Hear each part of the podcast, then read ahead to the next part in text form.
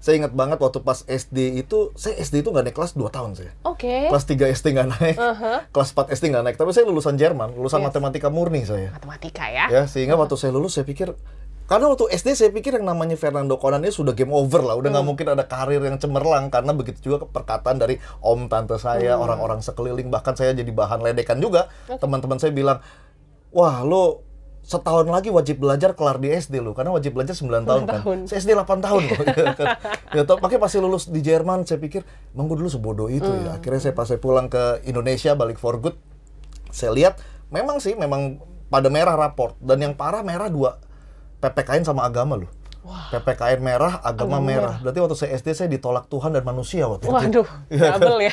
iya, cuman nah ini itu kan masa lalu ya. Yes. Selama kita makanya masa lalu jangan diambil hati, tapi diambil hikmah. Ambil hikmah. Iya, kalau kita bisa ambil hikmah itu jadi ledakan wisdom, ledakan kebijaksanaan yang luar biasa Mhm. untuk kita bisa bisa apa ya?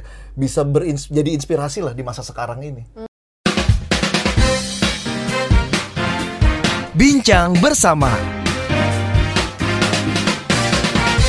Smart Listeners bicara tentang perjalanan hidup, perjalanan hidup yang akan kita dengarkan kisahnya pada hari ini dalam podcast Bincang Bersama akan sangat unik sepertinya. Karena eh, proses hidup sosok yang Audrey undang nih eh, kalau didengar dulu ya mungkin dengar potongannya cukup seru banget tapi rasanya proses itu juga bisa dinikmati sehingga beliau ini bisa menjadi sosok yang luar biasa membantu banyak orang dalam menemukan passion dan juga pastinya dalam membentuk karakter yang baik. Dan kali ini dalam podcast Bincang Bersama kita sudah bersama-sama dengan Mas Fernando Conan. Hai Mas Conan. Halo Mbak Audrey, halo smart listener. Gimana kabarnya? Sehat ya Mas? Semangat sehat luar biasa. Semangat, sehat. Kalau Mas Conan tuh selalu ya, semangat gitu ya. Kalau misalnya dulu kita siaran juga kan eh, Mas Conan ini identik dengan singkatan-singkatan yang aku masih ingat BTP, BTP. ya. Bacaan tontonan pergaulan. Betul sekali. Kokodivo, komitmen, konsisten, disiplin, fokus. Fokus. Ah, itu Ya, masih ingat loh ya, karena itu salah satu ciri khas ataupun keunggulan Mas Conan. Tapi em, kalau kita dulu siaran ya, sempat mungkin juga ngobrol secara off air, perjalanan hidup Mas Conan ini sangat-sangat luar biasa gitu ya. Sempat tinggal di Jerman ya Mas Conan Sempat ya? di Jerman 8 setengah tahun. Delapan setengah tahun. Tapi kalau masa kecilnya Mas Conan besar-besar di mana sih sebenarnya? Saya itu di Jakarta, lahir di Jakarta, cuman sampai SD kelas 6 ya. Lalu pas SMP 3 tahun aku ditaruh sama eh, papa saya di Cianjur. ya. Cianjur. Ya, Cipanas 3 tahun di asrama. Di asrama. Iya, SMP 3 tahun di asrama, lalu setelah tiga tahun di asrama SMP ditaruh lebih jauh lagi. Tiga tahun lagi SMA di Jogja, asrama juga. Oke. Nah, kuliah ditaruh lagi di Jerman. Ya, jadi makin lama makin jauh. Makin jauh ya. Tapi pas lulus saya balik ke Indonesia. Aha. Tapi unik mas, kalau misalnya kita eh, berkaca ya. Ya. Kalau dulu nih eh, dari mungkin lingkungan aku ya, kalau orang-orang asrama biasanya nakal. Iya. Apakah mas Kona nakal? Katanya sih.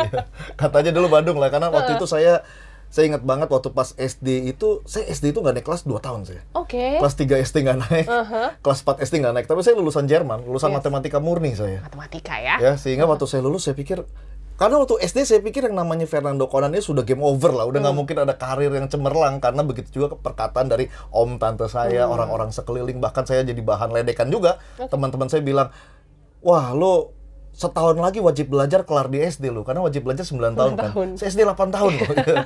ya tau, makanya pas saya lulus di Jerman saya pikir, emang gue dulu sebodoh itu Hmm. ya. Akhirnya saya pas saya pulang ke Indonesia balik for good, saya lihat memang sih memang pada merah raport dan yang parah merah dua PPKN sama agama loh.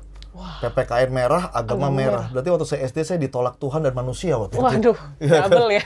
iya, cuman nah ini itu kan masa lalu ya. Yes. Selama kita makanya masa lalu jangan diambil hati, tapi diambil hikmah. Ambil hikmah. Iya, kalau kita bisa ambil hikmah itu jadi ledakan wisdom, ledakan kebijaksanaan yang luar biasa Mhm. untuk kita bisa bisa apa ya? Bisa berins jadi inspirasi lah di masa sekarang ini. Mhm. Iya, masa lalu ya dimaknai aja, Yes, positif. Positif ya. Tapi menarik ya mas, kan tiga tahun di SMP asrama, Iya. terus juga tiga tahun lagi di Jogja asrama lagi. Asrama lagi. Ap- apa yang mungkin bisa diambil sampai sekarang gitu ya pembelajarannya apa disiplinnya bangun paginya Iya, iya. Sampai sekarang ke bawah. Saya bangun Oh, jam setengah lima udah bangun, Oke. ya kan? Jam 4 bangun. Jadi di asrama itu, tapi memang kenapa saya bilang saya dibuang di asrama? Hmm. Karena nggak ada satupun anak yang merindukan mau dimasukin di asrama gitu. iya betul Mi masukin dong Mi ke asrama nggak ada itu pasti kita dari Nggak lima mau. anak ya saya doang gitu Iya. ya karena dibilang susah diatur ya kan eh, bandel gitu kan main ngelayap doang jadi Hmm. akhirnya ya ditaruh di asrama tetapi pas di asrama saya belajar tentang kehidupan sih yang nomor satu tuh Hmm. saya bertemu dengan 100 kan tidur satu barak ya satu barak Hmm. eh, 100 orang satu kamar bertemu dengan Indonesia mini di sana ya kan. Yes, orang dari mana aja ya. Ah, di situ saya belajar untuk bagaimana how to deal with people juga ya kan dan berjuang hidup karena papa saya kan meninggal muda ya. Papa saya meninggal waktu saya satu SMA. Pas satu SMA papa meninggal, duit jajan ibaratnya hampir nggak ada. Akhirnya saya benar-benar di sana ya ya udah dah cari duit tambah-tambahan buat cuci cuciin baju, celana, kolor, eh, jeans teman-teman. Ya kan, buka laundry, ya kan gitu-gitu. Ya udah saya belajar kehidupan lah di sana. Ya dan dan di situ jadi modal luar biasa. Eh, ketika saya di Jerman saya juga bisa survive dan nggak bohong karena sumbang sih energi dari asrama 6 tahun itu ya. Mhm. Ah, ah. Ya, jadi nggak sia-sia ya enam tahun Nggak sia-sia, ya emang proses yang harus dilewati. Pokoknya berhasil masalah waktu, berproses setiap waktu. Wah, Jangan kan? sedih kalau belum berhasil, sedihlah kalau belum juga berproses dengan benar. dengan benar Iya. ya. Oke, enam tahun terus mungkin juga ngerasain struggle-nya mungkin ketika SMA ya Mas Konan ya. Tadi sempat Apa, meninggal, Ah, meninggal terus juga eh, ya buka usaha laundry kecil-kecilan ibaratnya gitu ya. Iya, sebenarnya bukan buka usaha sih, diam-diam karena kalau ketahuan suster di kan tuh susteran ya, susteran yes. di asrama ya di diomelin. Jadi diam-diam aja karena kan anak asrama kan pada males nyuci, ya udah saya cuci-cuciin. Nggak cuma saya ada beberapa juga sih. Iya. Ya kan seperti itu. Jadi ya di asrama pokoknya kita belajar banyak hal juga. Yang dulu misalnya makan pilih-pilih di sana nggak ada pilihan. Iya, itu apa yang ada ya Iya, itu menunya ya pak ya paling istimewa ya sate sayur tempe Ya, itu sayur tempe. ya udah kita makanin itu awalnya dulu kan kalau di rumah kan aduh makanan nyokap nggak suka makanan rumah nggak suka sekarang pas pulang ke rumah waduh Kangen itu semua kayak makanan-makanan istana semua pas balik ke rumah jadi belajar menghargai hidup juga Yes. di sono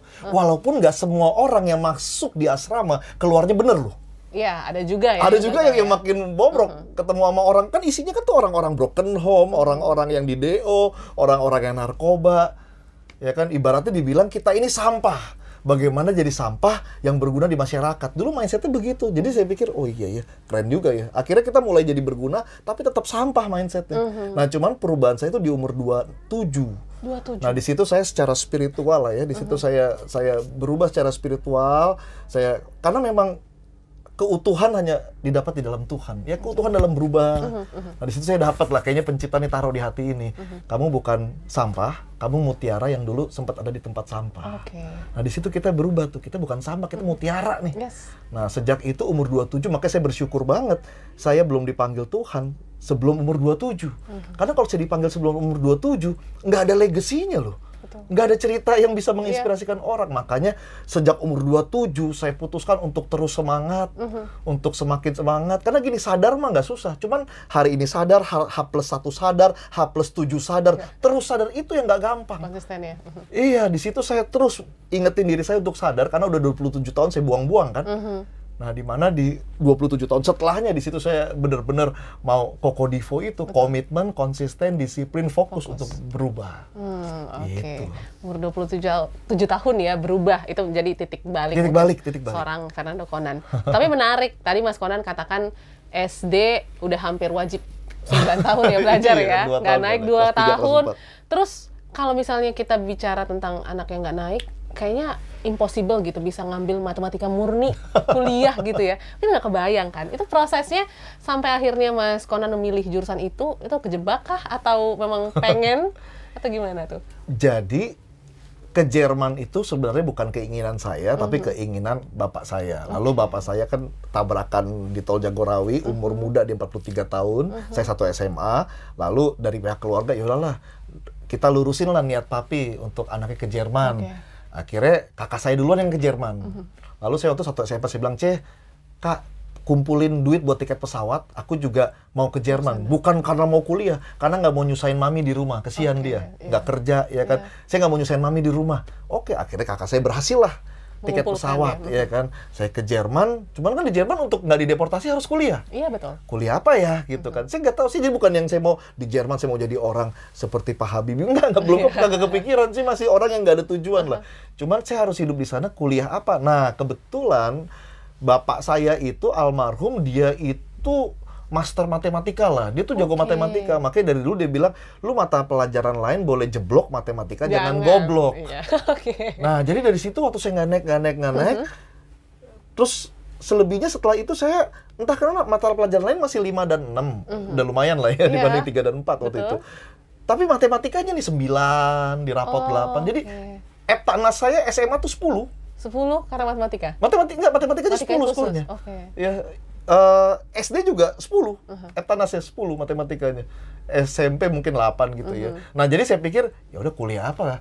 Matematika, Matematika dah. ya. Kayaknya ya ini yang paling Iya. mendingan gitu. Makanya saya ambil matematika dan sempat kerja juga nggak lama sih di aktuaria gitu Uh-huh. kan. Cuman sekarang akhirnya menjadi trainer. Hmm, oke. Ternyata unik ya. Bagaimana Mas Konan ternyata mungkin terpengaruh karena papa ya, sosok Iya. papa gitu ya. Ada sisi master Ter- matematikanya ya. terpengaruh sama mungkin lebih ke karena saya ke- bingung kan Nggak apa tahu dan ya. saya kebiasaannya matematika, yang Matematika. lumayan itu nah makanya menariknya banyak klien nanya ke saya Uh-huh. pas tahu gitu oh coach Conan ini ya dulu kuliah matematika murni iya kok bisa sih sekarang jadi trainer jawaban saya jelas bisa karena saya belajar Betul. karena saya pelajari Uh-huh. untuk menjadi trainer yang baik saya belajar itu kalau kita belajar secara benar-benar tadi ya koko divo itu Uh-huh. komitmen konsisten disiplin fokus yang nggak bisa ya jadi bisa Ya. banyak orang udah nggak ada modal hitter historical backgroundnya tentang itu belajarnya juga endet-endetan gitu loh nggak koko divo nggak komitmen nggak konsisten akhirnya ya jelas aja tetap nggak bisa kenapa kok coach Conan bisa karena saya belajar Yes.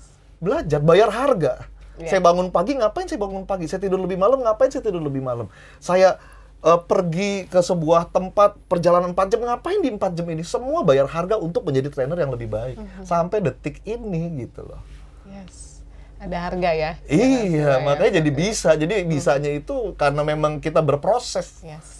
Jadi jangan mau melewatkan proses-proses. Karena kan sekarang anak-anak tuh pengennya instant gratification ya, Mas Konan ya. Iya. Pengennya ya kalau belajar hari ini besok hasilnya udah kelihatan lah ya. Pengen enak nggak mau enek. Nah, itu pengen dia. enaknya nggak mau eneknya. Kalau ada eneknya yang emang harus kita lewati. Iya, harusnya dinikmati aja enak-enaknya supaya bisa menikmati rasa enaknya ya. Betul. Nah, salah satu prinsip yang saya pegang tuh jangan fokus ke uang, fokus ke peluang. Fokus ke peluang. Ya uang itu oke, cuma kalau fokus hanya ke uang, gara-gara nyari kerja yang satu gajinya 7 juta, yang satu 7 juta 500 karena dia fokusnya ke uang, nggak pikir panjang langsung yang 7 juta 500. Padahal yang di 7 juta atau mungkin 6 juta 5 6 juta ini ada peluang-peluang kita bisa belajar. Makanya belajar untuk fokus ke peluang. Yes. Ketemu orang nggak cuma dalam kerja, dalam apa dalam segala hal fokus ke peluang. Karena peluang itu kan yang akan membuat kita nantinya secara kualitas bertumbuh. Yes. Heeh. Oke. Nah, proses itu juga yang mungkin Mas Konan lewati ya semasa kuliah. Ya. Mungkin em, semasa kuliah sebelum sampai ke titik umur 27 tahun. Apa sih mungkin keresahan yang paling dirasakan Mas Konan apalagi kan mungkin papa udah nggak ada, udah nggak ada yang mensupport dana mungkin harus cari sendiri di Jerman. Bertahan hidup di sana gimana rasanya? di Jerman itu biasanya orang Indonesia yang ditaruh di Jerman itu karena orang tuanya kaya biasanya ya dan mereka itu di situ punya 7000 zaman saya seingat saya 7020 euro Oke. eh, deposito Iya, supaya deposito. visa keluar ya kan supaya jaminan kita nggak jadi gembel di sono nah saya kakak saya cuma ada tiket pesawat Oke. lalu 7020 euro dia minjem-minjem sama orang Mhm. Nah, akhirnya visa si Conan keluar, saya ke sana dipulangin lagi tujuh ribunya. Iya. Nah, di sana itu saya ya udah hidup sambil kerja, ya kerja ya. Saya babysitter, jagain anak orang. Oke. Ya, lalu bersihin rumah orang, eh, jadi figuran film, pernah Oke. film Speed Racer. Oke. Pernah juga ya kerja di pabrik macam-macam, mulai pabrik botol, pabrik obat, pabrik coklat, pabrik eh, DVD Blu-ray waktu itu ya. Eh, kerja di apa fried chicken yang di sini ada nih ya eh, di fried chicken jadi kasir di di bubble tea Ya udah kerja kerja itu semua supaya bisa survive kan ya seperti itu dan dan udah udah nggak lagi mikirin aduh enak ya si dia bapaknya tinggal kasih duit jajan. Aduh, udah nggak mikir gitu.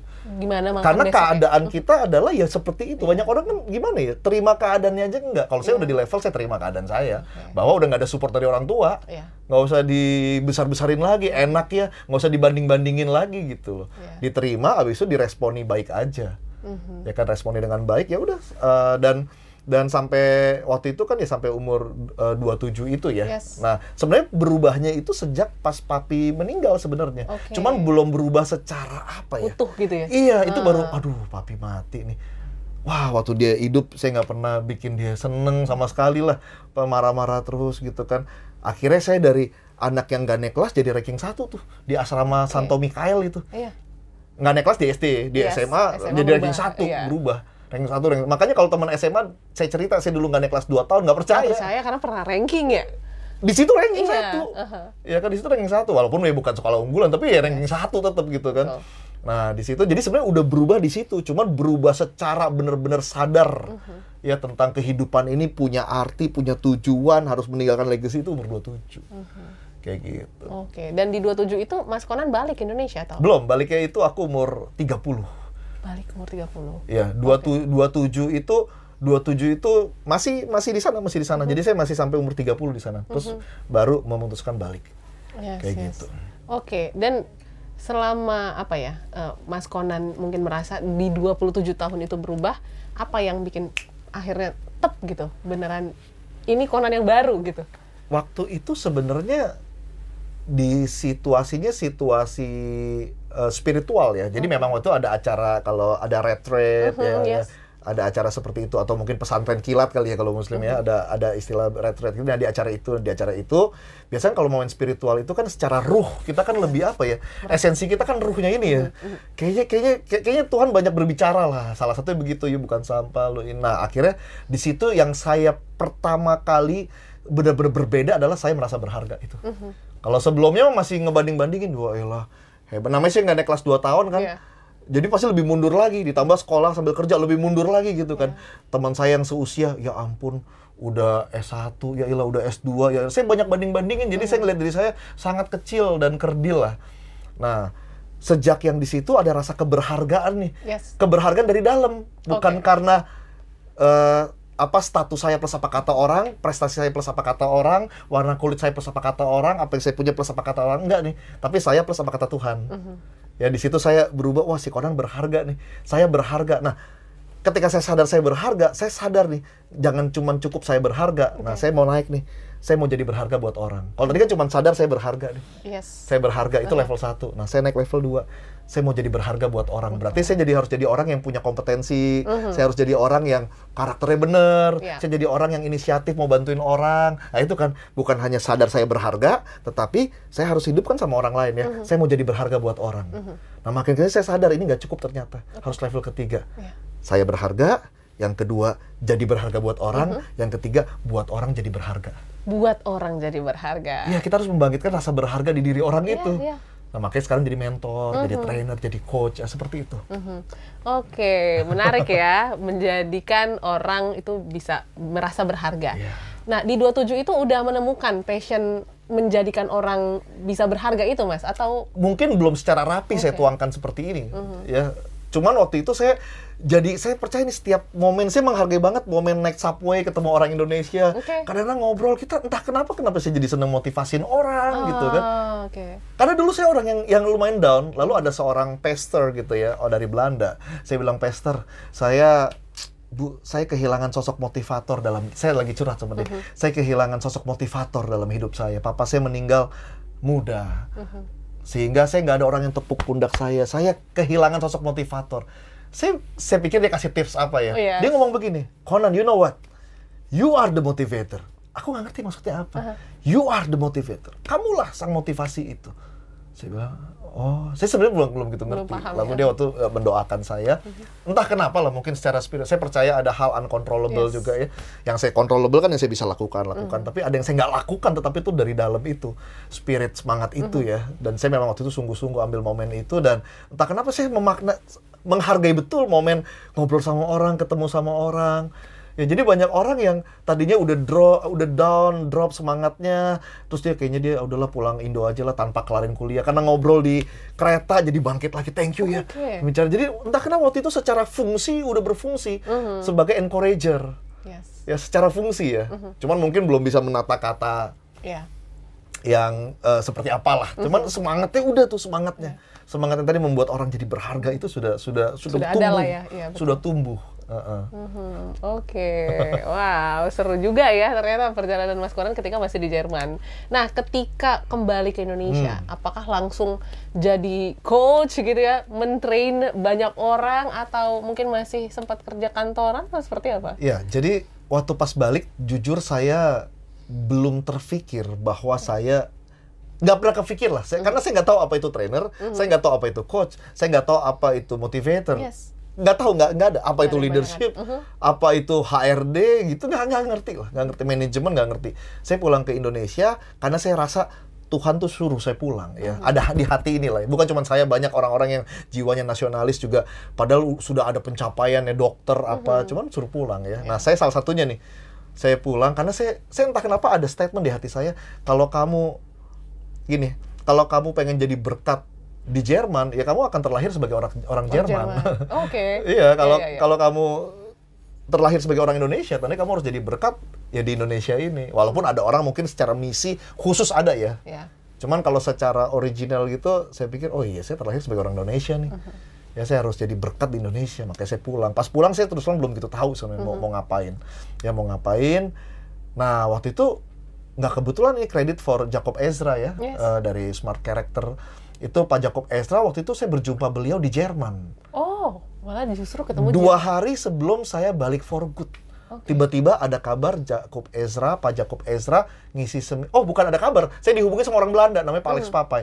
Konan, kan saya di sana kan lumayan punya masa ya. Hmm. Iya. Eh, lumayan influencer lah gitu di sana. Dia bilang, "Konan nih ada pembicara bagus nih namanya Jacob Ezra." Saya memang belum kenal ya. Kalau di Yes. Indonesia, eh kalau di luar negeri kita nggak gitu kenal pembicara di Indonesia gitu. Bisa gak kamu aturin orang gitu kan biar ada bisa bisa.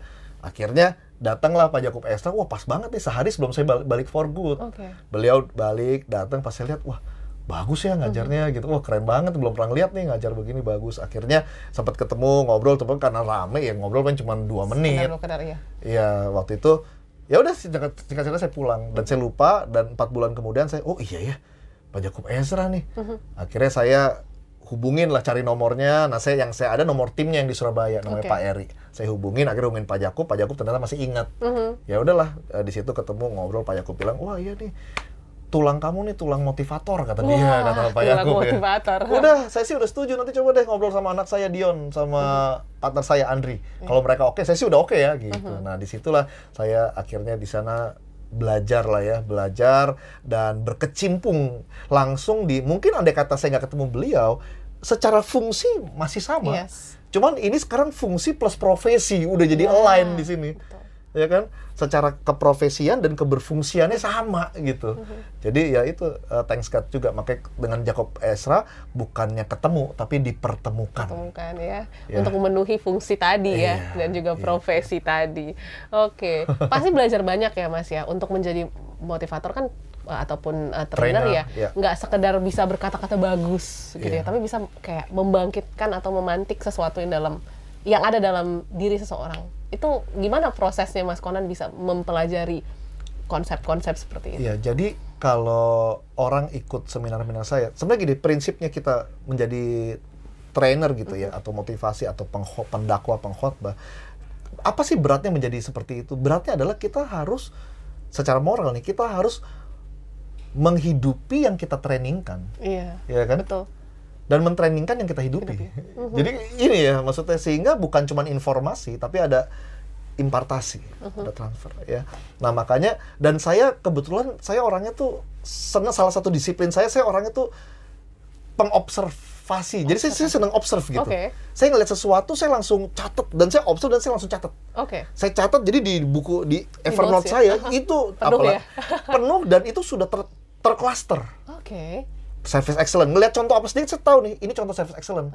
Ngelihat contoh oh tahu nih, ini contoh uh, materi optimism. Iya. Contoh saya jadi lihat ke dalam, lihat keluar, lihat ke pasangan, lihat ke anak, lihat ke apa ya di jalan apa pun itu sehingga sehingga disiplin itu selain memang konsep-konsep Hmm. teori-teori ya kan yang memang saya pelajari ya saya jahit saya pelajari. Dan uh, thanks God juga dari saya 8 tahun di Jerman ya 8 setengah tahun di Jerman lalu saya di asrama. Itu menjadi sebuah cerita-cerita yang menguatkan materi-materi saya juga. Jadi nggak cuman saya lagi ngajarin tentang karakter tetapi saya juga membagikan kisah saya menghidupi teori-teori itu. Iya. ya karena disiplin menguraikan menyambungkan mengobserv menggabungkan kembali ya seperti itu.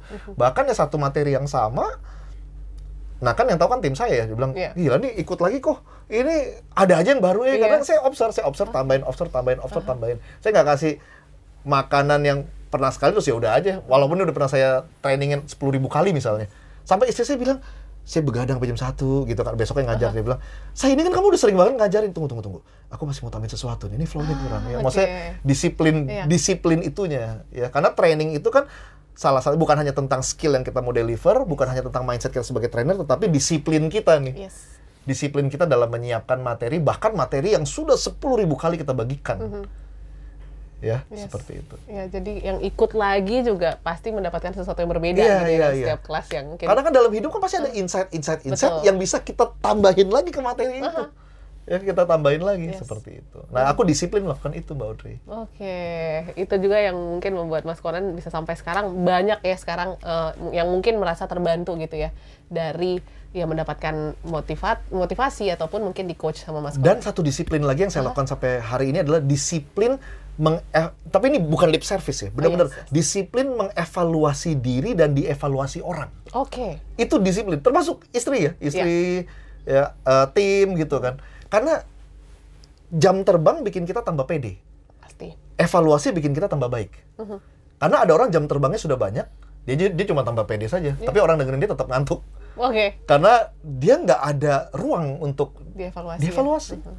Ya, walaupun dia mungkin silakan saya mau dievaluasi, cuman kan eh, belum tentu orang Menerapkan evaluasi itu ya. menerapkan ataupun benar-benar benar-benar secara jujur evaluasi saya. Kadang pernah nggak sih Anda kan pernah kerja eh Anda kerja di organisasi, pernah kan orang bilang, "Saya ayo ada masukan apa?" Baru kita ngomong langsung langsung terlalu reaktif Denial, iya. akhirnya sampai orang nyesel kasih evaluasi ya kan. Takut Wah, besok kalau ditanya. Batman nih ya kan. Iya. Nah, kalau saya memang memang seneng ya seneng. Seneng dieva butuh lah dievaluasi. Karena orang yang saya training pertama kali, karena kan saya ngajarin soft skill. Soft skill itu kan istri saya pun perlu. Jadi yang audiens saya yang pertama kali adalah my wife. Oke. Iya, ya kan. Jadi dia dia akan kasih ah ini kayaknya orang ini. Saya ini kamu saya akan ke dia dulu nih, ya. Karena yang saya ajarin soft skill. Betul. Kalau soft skill itu mau ibu rumah tangga, ya kan, mau youth, mau buyut, semuanya semuanya Semuanya buyut. perlu, ya kan. Semuanya perlu kalau soft skill. Nah, Iya. Jadi saya evaluasi itu. Itu disiplin saya sampai sekarang. Mengevaluasi baik evaluasi diri ataupun dievaluasi orang. Orang, itu iya. penting. Penting banget. Yes. Dan untuk merangkai evaluasi itu menjadi satu perubahan atau mungkin step up gitu untuk langkah berikutnya gimana Mas Konan meramunya itu karena kan nggak semua evaluasi kadang baik ya Iya. ada juga yang mungkin ingin menjatuhkan dan lain sebagainya Mas Konan Iya.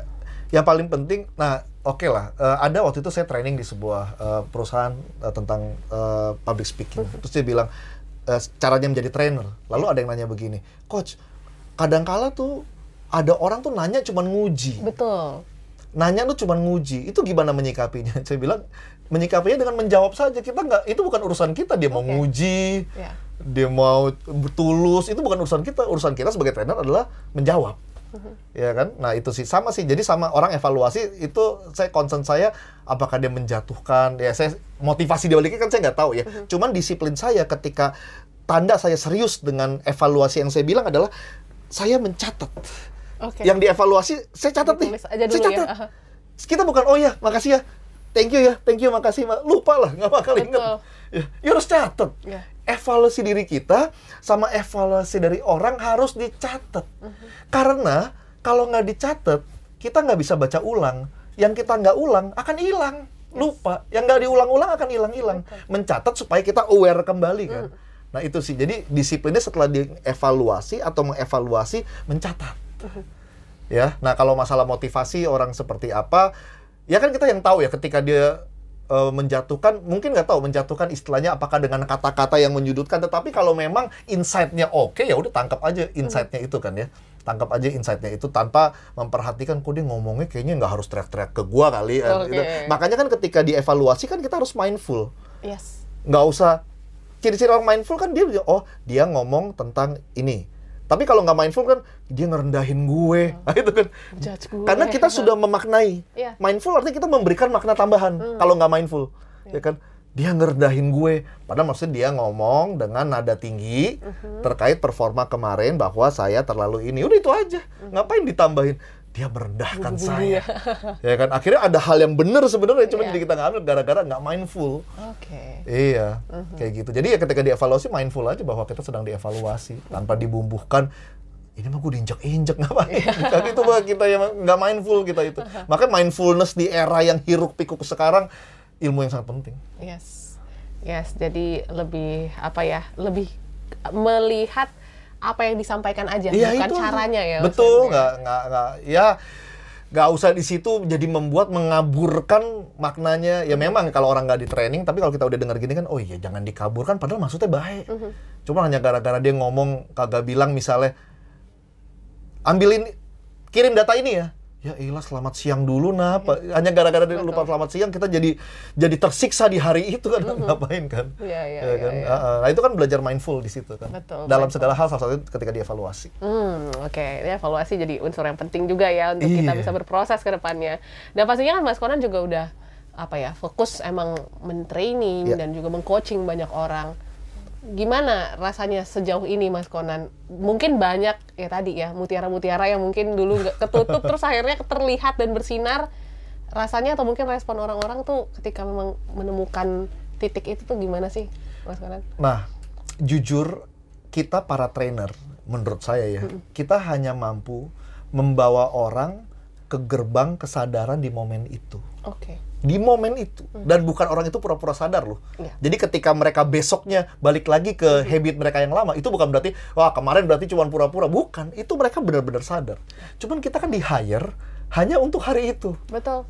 Ha, besoknya kita nggak di-hire kan budgetnya Iya. nggak ada. Lusa nggak. Makanya itu penting diinternalisasi oleh user, oleh leaders. Makanya yang salahnya adalah mereka berharap pil sakti Oke. Yang dibawa oleh seorang trainer atau motivator.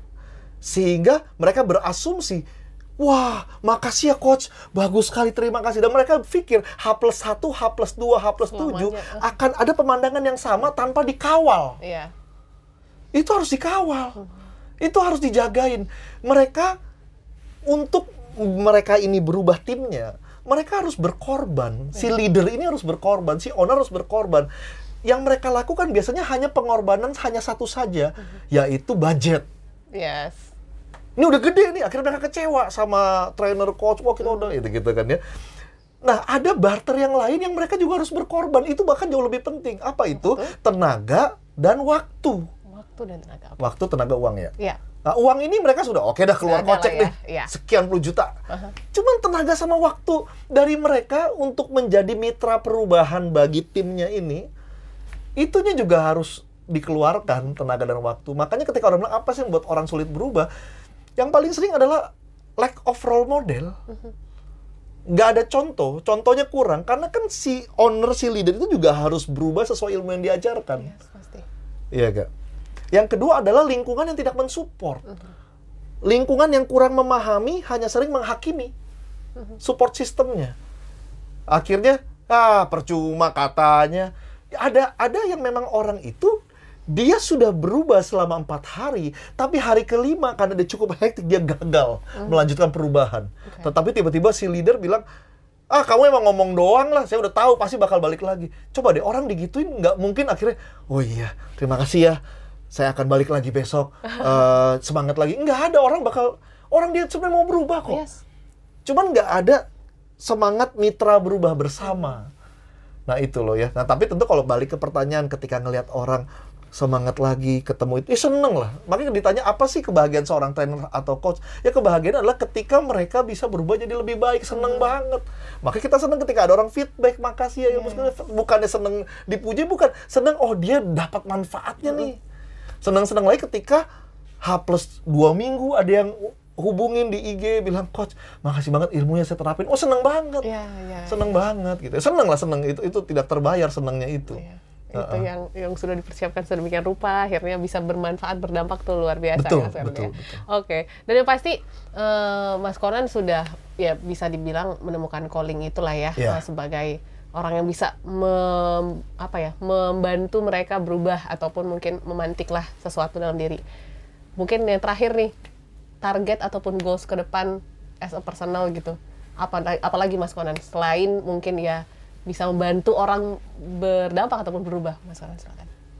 Saya tetap secara fungsinya ini, tapi saya pengen dalam skala yang yang lebih besar lagi, uh -huh. ya, lebih besar lagi, lebih besar lagi. Ada kepercayaan, terobosan dari Tuhan ya, yang nggak tahu ya apa yang akan terjadi, kepercayaan apa yang terjadi Betul. ya, mungkin saya nggak tahu apa yang saya bisa sumbangkan lah uh-huh. untuk nih Indonesia ini ya selama saya belum dipanggil ya. Jadi yang saya tetap bakal sama ini yang dilakukan tetap ini cuma dengan skala yang jauh lebih besar ya, jauh lebih besar. Mungkin bisa secara uh, nyentuh ke area-area pemerintahan uh-huh. gitu ya atau apa pun itulah. Cuman ya setia dalam perkara-perkara yang saya lakukan Kecil. sampai sekarang karena Tuhan udah lakukan banyak hal sih, banyak yeah. hal, banyak hal, banyak hal dan setia aja nih. Karena saya dalam hal-hal perkara-perkara kecil ini gini buat saya penting banget dalam setiap kesempatan kalau kita totalitas uh -huh. karena buat yang di atas ya kan itu pasti kepercayaan yang baru akan akan terus turun mengalir uh -huh. karena kepercayaan kan datangnya sebenarnya bukan dari orang dari Tuhan kan yes. nah ada orang kepercayaan kecil aduh dia lihatnya dibayar berapa Kecil dibayar ya, ah, itu ya. nggak kalau sama sih sama iya, iya. mau gini buat apa nih yayasan kagak ada biayanya sama energinya segini sama sama. Tanya jawab kita layanin semua sama. Hmm. Nggak yang jadi uh, jawab pendek-pendek. Enggak, tetap duduk best aja, ya kan. Saya menuju ke sini kan duduk best ya kan. Yes. ya kan? Walaupun baru macet, iya ya.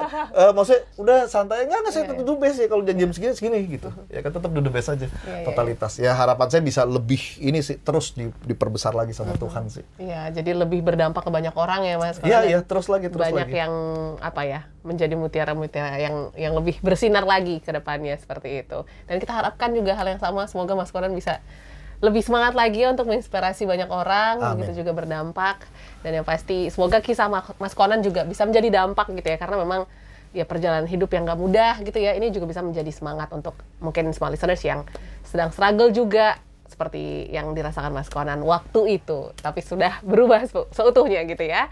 So thank you Mas Konan. Sama-sama, Audrey. Lancar-lancar terus untuk menginspirasi Amin. banyak orang, begitu juga listeners. Terima kasih sudah menonton podcast ini. Kalau Anda merasa ini cerita yang seru, yang mungkin uh, menginspirasi Anda gitu ya, boleh silahkan di-share uh, baik di sosial media Anda ataupun ke orang-orang yang Anda sayangi.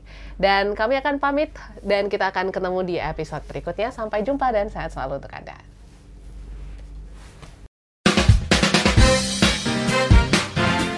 Bincang bersama